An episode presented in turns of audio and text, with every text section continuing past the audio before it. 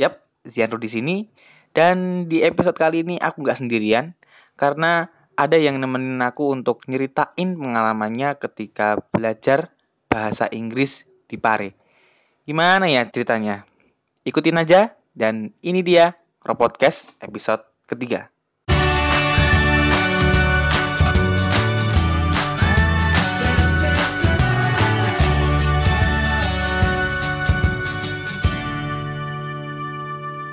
Oke, sambil nemenin teman-teman lagi gabut atau lagi ngelakuin aktivitas masing-masing.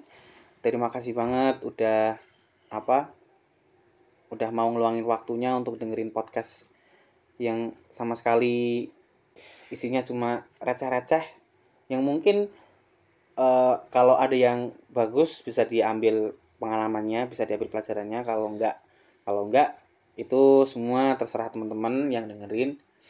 Yang terpenting pro podcast ini isinya adalah semua hal yang aku bahas semua hal yang aku omongin semua hal yang aku pengen pengen sampaikan ke teman-teman tentang sesuatu tentang pengalaman atau tentang cerita tentang tentang obrolan-obrolan yang mungkin biar apa ya seolah-olah kayak buat lega gitu.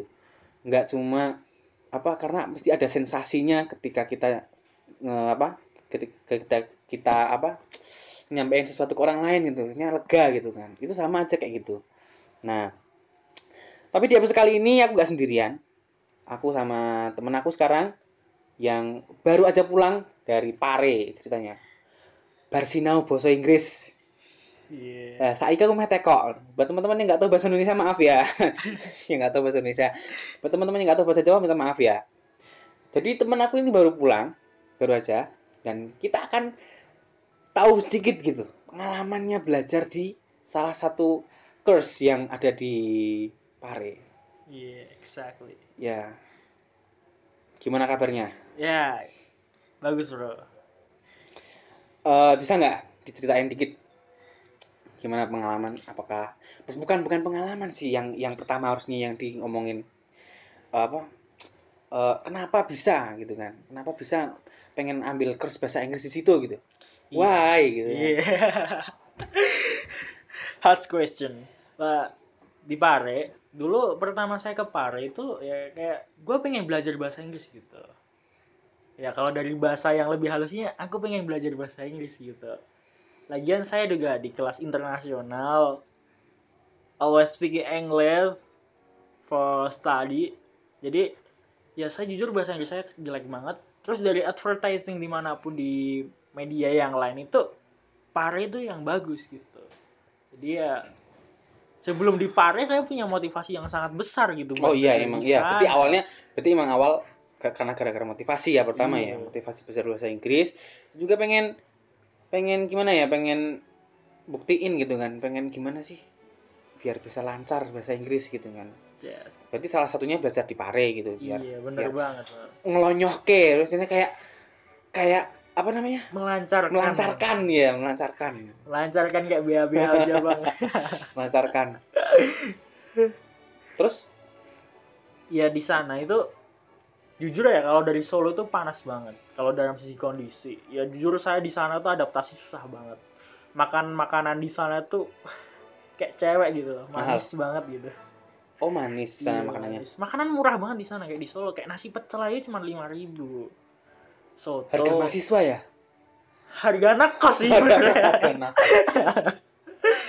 Tapi kalau dari akomodasi emang di sana mahal gitu loh. Kayak kita kos aja satu bulan 400, cuman kosnya yang murah. Kos paling sama camp itu ya 950 udah dapet. Iya. Itu dari pelajaran dari jam 5 pagi sampai jam 6 kita break mulai dari jam 7 sampai jam 3 kita course di kelas. Habis itu kita break jam 6 sampai jam 8 kita uh, belajar lagi di camp. Oh berarti dari pagi sampai malam itu belajar iya jadi kayak capek banget kayak anak SMA lagi gitu. Full day. Parah ya berarti? Iya parah. Cuman di sana ada bagusnya sih anak-anak juga mewajari kita buat ngomong bahasa Inggris. Soalnya punya motivasi sama buat belajar bahasa Inggris. Beda kayak dilakukan orang-orang desa misalnya Gak cuma kayak, di lingkungan desa, di lingkungan sekolah pun sama belajarnya. Iya. iya. Kayak lu apa apaan sih omongan Inggris gitu kan. Hmm.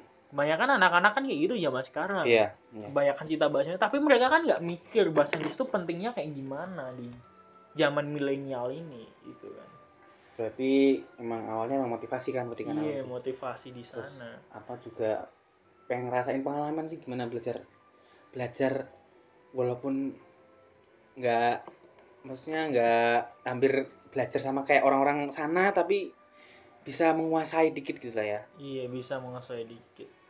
Ya emang di di sana itu kalau pengen belajar ya kita harus bekerja keras.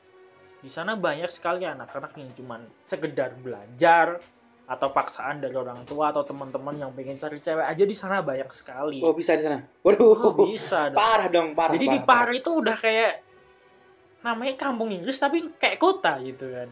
Banyak anak-anak kota yang di sana malah kebanyakan di sana itu anak desa udah terminimalisir gitu. Mm.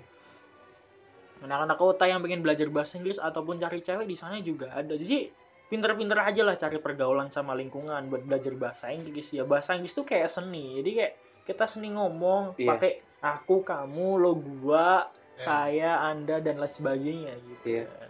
Kayak ada seninya gitu. Jadi niatin dalam hati dulu lah kalau mau ke sana. Gedein motivasi lagi. Kalau motivasinya hilang ya buat apa ke sana iya buat apa ke sana gitu. Purpose kan bahasa Inggris. Lagian kalau di bahasa Inggris kita bisa ngejar IELTS, TOEFL otomatis scholarship gampang kita dapat Hmm. gitu kan. Jadi di sana ya kebanyakan anak-anak mah saya aja yang baru semester 2 di sana paling muda paling mudah. Paling muda di sana malah udah lulus S1 ke S2 banyak sekali. Karena mereka belum bahasa Inggris gitu. Jadi kalau yang dengerin podcast ini ya kalau kalian masih di bangku sekolah maksudnya dari SMP atau SMA ataupun SD ya kepari itu penting banget sih. Bahasa Inggris nggak ada matinya kok. Banyak negara yang pakai bahasa Inggris. Negara tetangga aja Singapura pakai bahasa Inggris. Malaysia juga. Iya makanya dan ketika ambil kurs itu kan kursnya banyak tuh iya banyak kurs yang sampean pilih yang kayak gimana Iya. Course yang saya pilih itu course yang paling besar di kampung Inggris. paling besar Paling besar. Soalnya kenapa? Saya di course itu masuk tanggal 28 Januari, padahal saya udah daftar itu Desember awal. Dan itu udah penuh gitu. Course-course kan banyak tuh course yang direkomendasi oleh YouTubers-YouTubers gitu kan. Hmm, banyak With the British accent, uh, maybe in the American accent itu banyak sekali gitu. Nah, tapi sayangnya saya cuma dapat yang itu yang paling besar. Ya nggak nggak jelek-jelek banget lah, juga nggak bagus-bagus banget. Yang penting tergantung diri kita sendiri gimana caranya kita buat nyesuaiin. menyesuaikan termasuk niat juga ya tadi ya Termasuk Iya, niatnya iya. juga. Ingat motivasinya ke sana apa. Ya walaupun kalau buat anak kota kayak kita segitu itu murah. Iya. Cuman kan kalau cuman sia-sia kan di sama aja mau iya, bazir sama duit aja. gitu kan. Gitu. jadi emang niat harus ini ya mahal murah nggak apa-apa yang penting niatnya itu. Niatnya itu. Otomatis kalau niat kita konsisten buat belajar otomatis ya tujuannya kecapai. Heeh. Iya. Gitu. oh ya sama ini loh kayak berita-berita burung kan biasanya kan orang pada ngomong tuh kalau di Pare itu sampai sampai pedagang sampai yang jaga tukang jaga warung terus habis itu sama tukang parkir apa semuanya pakai bahasa Inggris di sana Di advertising iya. Cuman kalau dari realita saya yang baru aja kemarin balik ke Solo, baru aja pulang dari Pare, nggak semuanya ngomong kayak gitu. Ada paling 5% aja yang pakai bahasa Inggris. Hmm. Soalnya ya tau lah namanya juga media marketing Iya, kayak gimana. Ya kalau di camp di kelas ya we always speaking English, but di lingkungan kita nggak bahasa Inggris. Jadi kadang ada toko makanan gitu dia kalau bahasa Indonesia dia nggak mau jawab. Ada juga yang toko makanan kalau kita ngomong pakai bahasa Inggris mereka nggak paham. Nah seperti itu. Jadi ya jangan terbujuk rayu sama advertising lah. iya kelas yang kamu ambil apa kan tadi belum dibilang iya. belum dibilang kelas yang kamu Iya, ambil apa iya. tadi Saya ambil kelas grammar. Grammar sebenarnya di sana ada banyak. Jadi tingkatannya dari grammar 1, grammar 2, grammar for writing, grammar for TOEFL, grammar for IELTS gitu juga ada. hmm. Nah, saya ambilnya di grammar 2 tuh. Bedanya apa? Di grammar 1 kita cuma diajarin kayak preposisi frasa verb dan sebagainya. Iya. Tapi kalau di grammar juga kita udah penggunaan 16 grammar. Nah, gitu. Oh, iya, iya, seperti iya, iya. itu. Tapi kalau di grammar for writing ya kita kayak ujian grammar di TOEFL gitu lah. Di TOEFL di Agile kan ada grammar for writing ya diajarin cara nulis yang bener lah. Seperti itu. Terus ya sama aja sih TOEFL IELTS kayak gitu dan satu lagi yang ketinggalan tuh ada grammar for speaking. Jadi kalau grammar for speaking itu kita cuma pelajari 5 grammar yang dipakai buat speaking. Oh, iya iya iya iya. iya. Yang apa pengalaman yang paling nggak bisa dilupain dari kemarin waktu taking Oh, iya, course iya. yang di sana. pengalaman yang nggak paling dilupain nggak bisa paling dilupain itu di sana banyak cewek yang godain saya Iya. gitu. Ini jadi mulai. menambah Mulai. motivasi yang tinggi buat belajar bahasa Inggris Iya. gitu salah satunya itu. iya itu sebenarnya kalau dilihat dari sisi agama sih agak buruk juga tapi kalau dalam buat peningkatan motivasi mencapai tujuan tuh ya Iya iya. kayak bosnya kita gitu loh Tapi selain itu juga ketemu teman otomatis, Iya, ketemu ketemu lingkungan baru, iya teman terus ketemu orang-orang baru, terus bisa ngerasain gimana panasnya kediri ya kan? Iya panas Iya. banget sumpah. Kayak kayak di Solo gitu. Jadi teman-teman kita sebenarnya kayak di UI juga ada Brawijaya, universitas-universitas yang terkenal-terkenal di Indonesia itu juga ada banyak. Dan kita sama-sama belajar. Jadi kalau buat kalian yang sana jangan minder gitu dari universitas mana atau masih dari bangku sekolah mana itu nggak nggak usah minder gitu. Kita di sana sama-sama belajar. Kita punya tujuan untuk lancarin bahasa Inggris. Inggris. Tapi saran, penting, iya. Tapi saran buat kalian kalau mau ke sana jangan cuma ambil satu bulan sih. Soalnya saya, saya di sana satu bulan itu emang kurang sih. Tapi sebenarnya aku paham tujuan di sana itu menurut pandangan saya kita bangun habit dulu buat always Ngomong. thinking and speaking English. Iya, gitu. ngomong, intinya Iya. ngomong. Dan di tadi juga dibahas lagi, saya juga nggak ambil cuma satu kelas grammar, saya ambil empat kelas. Ada grammar, ada speaking 2, grammar 2, speaking 2, pronunciation 1 sama listening 1. Apakah semuanya masuk semua? Saya masuk semua. Tapi emang tergantung di sana tuh ada banyak sekali tutor. Jadi ada tutor yang benar-benar worth it, tapi juga ada tutor yang ber- yang useless gitu, nggak guna buat kita. Ya tergantung kebutuhan kita masing-masing. Seperti itu. Jadi kayak jujur kemarin sempat nyesel dapat tutor dua minggu pertama dapat tutor yang ya worth nggak worth it lah kayak useless banget buat aku Killer gitu maksudnya. bukan killer maksudnya jadi kadang kita lebih pintar daripada dia jadi kalau tutor yang bener tuh kemarin di periode selanjutnya atau di dua minggu selanjutnya saya ngambil pronunciation 2 itu dia emang bener-bener keren dia punya British sama American accent. American accent itu Wow. wow kayak native speaker gitu Padahal biasanya tuh orang susah untuk nyesuaiin antara yang mana yang British, mana yang American. makanya dari Lidahnya itu itu kayaknya kayak mudah banget gitu ya. ya karena kita habit kembali lagi kalau di kampung Inggris tuh sebenarnya dia cuma nyiap- nyiap- nyiapin kalian buat fasilitas buat selalu ngomong bahasa Inggris tanpa diejek teman-teman kalian ke tanpa dibully lo Iya. apa-apaan sih sok ngomong Inggris dan di sana nggak Iya. ada Kalau teman-teman pernah dengerin apa namanya? Eh, vlognya yang dibuat sama Skinny Fabs yang tentang apa tentang bully kenapa kok orang ngomong bahasa Inggris kok dibilang-bilang kenapa kok kok kenapa kalian sok Inggris itu kan. Biasanya itu karena apa karena memang ketidaktahuan ataupun juga karena hal yang mungkin iri atau yang nggak mereka yang mereka nggak punya di itu gitu loh. Iya. Tonton aja di videonya ada ada videonya ada. Ya seperti itu. Jadi kadang saya juga miris sama anak-anak Indonesia kenapa orang-orang pintar itu malah dicemooh? Karena orang pintar itu lebih tinggi daripada yang lain. Kayak ilmunya padi semakin ke atas semakin turun. Semakin banyak angin yang menarik. Dipanen dong nanti dong berarti. Iya. panen kalau dia. panen kan berarti udah ada hasilnya iya ada hasilnya iya, ya iya. berarti. Oh benar benar benar. Makanya. Betah nggak kira-kira di Parek ya, kalau secara secara secara pribadi nih secara gimana? pribadi justru saya orangnya yang susah adaptasi. Jadi dari makanan yang manis-manis tempat tinggal panas banget ke mana-mana juga ya sebenarnya deket sih cuman nggak nyaman aja. Lingkungan di sana tuh beda sama di Pare. Di lingkungan di Pare itu beda sama di Solo sorry. Jadi kalau di Solo itu banyak sekali orang yang negur kita ramah. Kalau di so di Pare itu lebih banyak ke pasifnya aja. Kalau kita nggak butuh ya mereka juga nggak bakal nyapa kita gitu.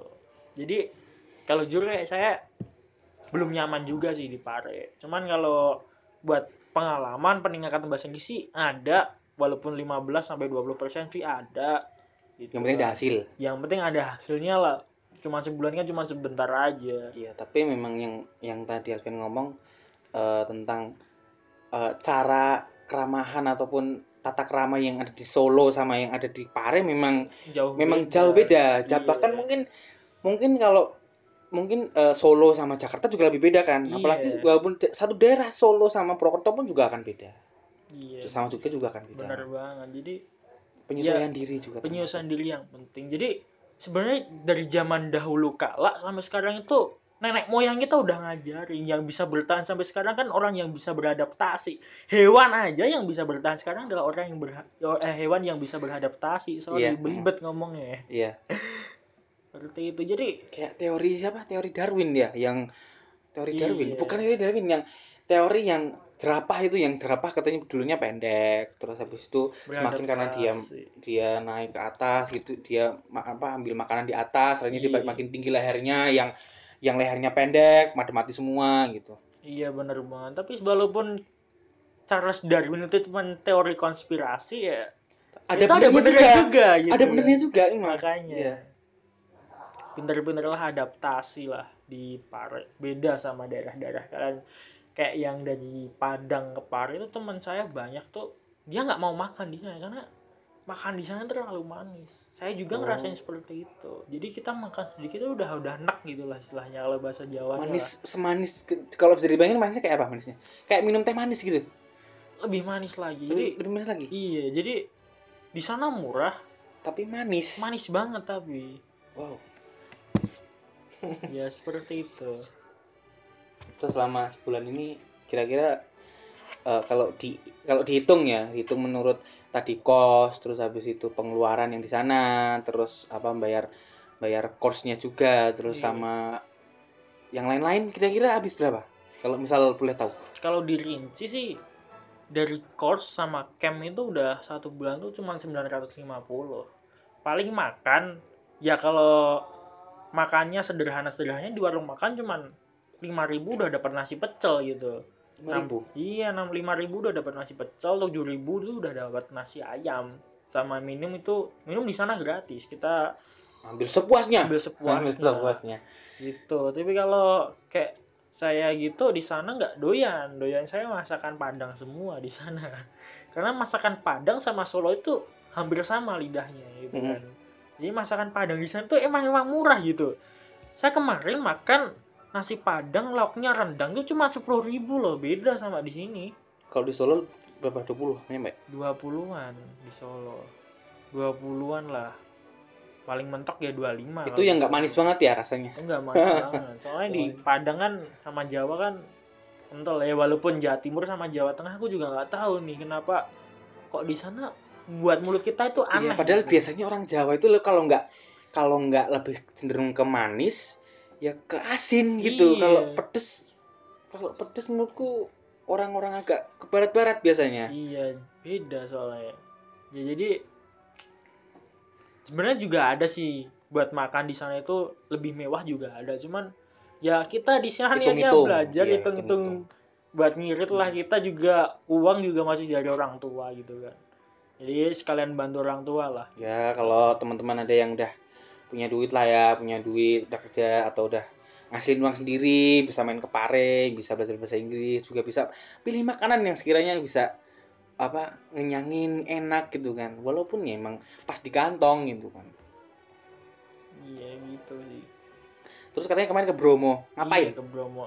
Ya liburan aja lah. Itu emang agenda dari ini agenda dari ininya Iya sebenarnya kita agenda dari course. Jadi kalau ke Bromo itu kita jadinya nggak 950, tapi Lebih. satu juta empat ratus. Tapi itu kayaknya satu juta empat ratus sama Bromo itu murah banget. Kita dari Pare ke Bromo itu 6 jam naik travel habis itu masih transit buat naik jeep naik jeep ke puncak itu dua jaman gitu kalau kita bayar sendiri aja jeep sendiri aja itu 600 nah bisa dibayangin yang satu jam 600 tapi kalau kita bareng-bareng satu empat udah sama kurs sama di Bromo ya itu murah banget. Kita pulang juga masih main ke Batu gitu. Dan Hmm, sempat ke Batu ya? sempat ke Batu juga. Ya walaupun cuma jalan-jalan sama di pusat oleh-oleh di daerah Batu sih yang penting kita punya pengalaman lah. Iya, kita pernah ke. Malang gitu Ah. kan. Katanya Malang apa namanya destinasi yang sangat bagus gitu lah. Tempat yang dingin kayak di puncak. Ya ba- benar tempat di puncak kalau di Solo kayak di Tawangmangu ya. Iya Tawangmangu. emang Tawangmangu lah.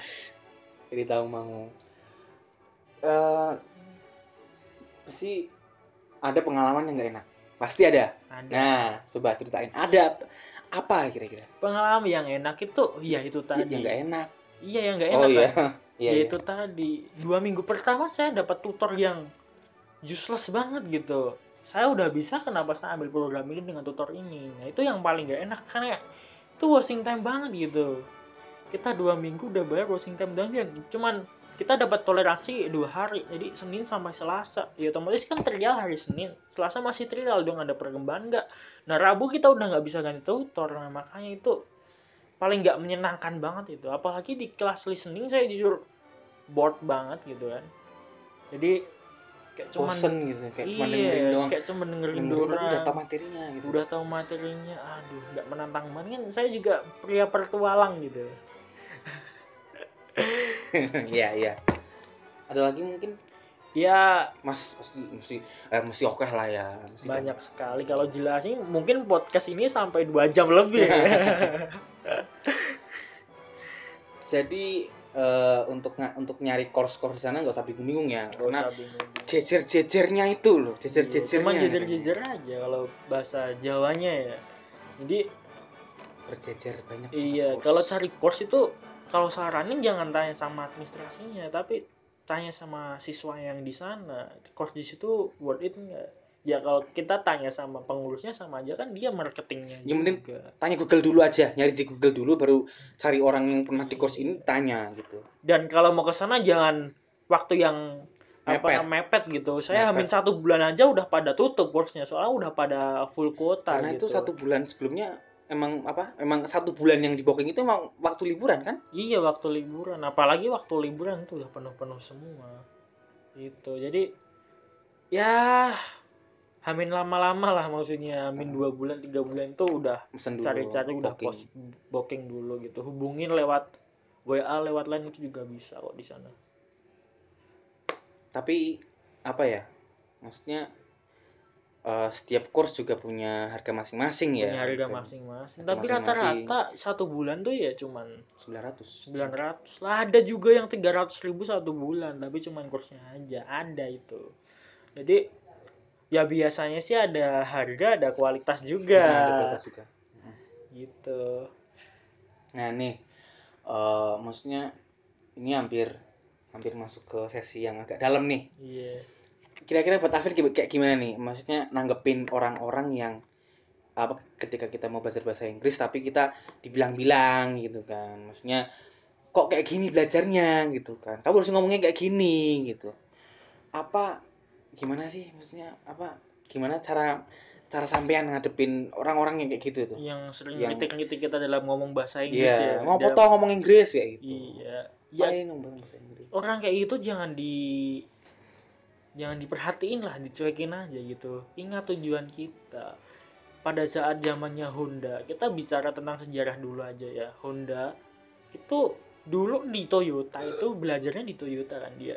Itu diajak-ajak dia soalnya dia dulu itu cuman bikin ban mobil pelek mobil tapi di unquality tapi dia selalu diejek selama 2 tahun di sana. Habis itu dia berani mendiriin apa namanya perusahaannya sendiri dan dia Mhm. bisa berhasil gitu. Jadi buat kalian yang pengen belajar bahasa ya konsisten. Kayak kata BJ Habibie kalau udah menak- menekuni suatu tujuan satu kegiatan ya tekunilah itu dan itu akan membuat lu berhasil gitu. Jadi intinya kalau orang lain yang ngata-ngatain apaan lo Inggris? Ya gua orang luar ngapain gitu kan. Sekarang negara tetangga aja Singapura Inggris Malaysia Inggris Indonesia pasti juga bentar lagi Inggris dong apalagi di aplikasi seperti sekarang orang juga ngomong Inggris kita lihat di YouTube YouTube lain channel-channel lain dia juga udah pakai Inggris gitu kan Milenial harus harus bisa bahasa Inggris ya Iya, apalagi kemarin juga ada isu kan debat capres dan cawapres juga pakai bahasa Bahasa Inggris. Inggris. makanya. tapi maaf ya ini bukan kita nggak kita nggak pilih salah satu apa mana pun ya ini Iya.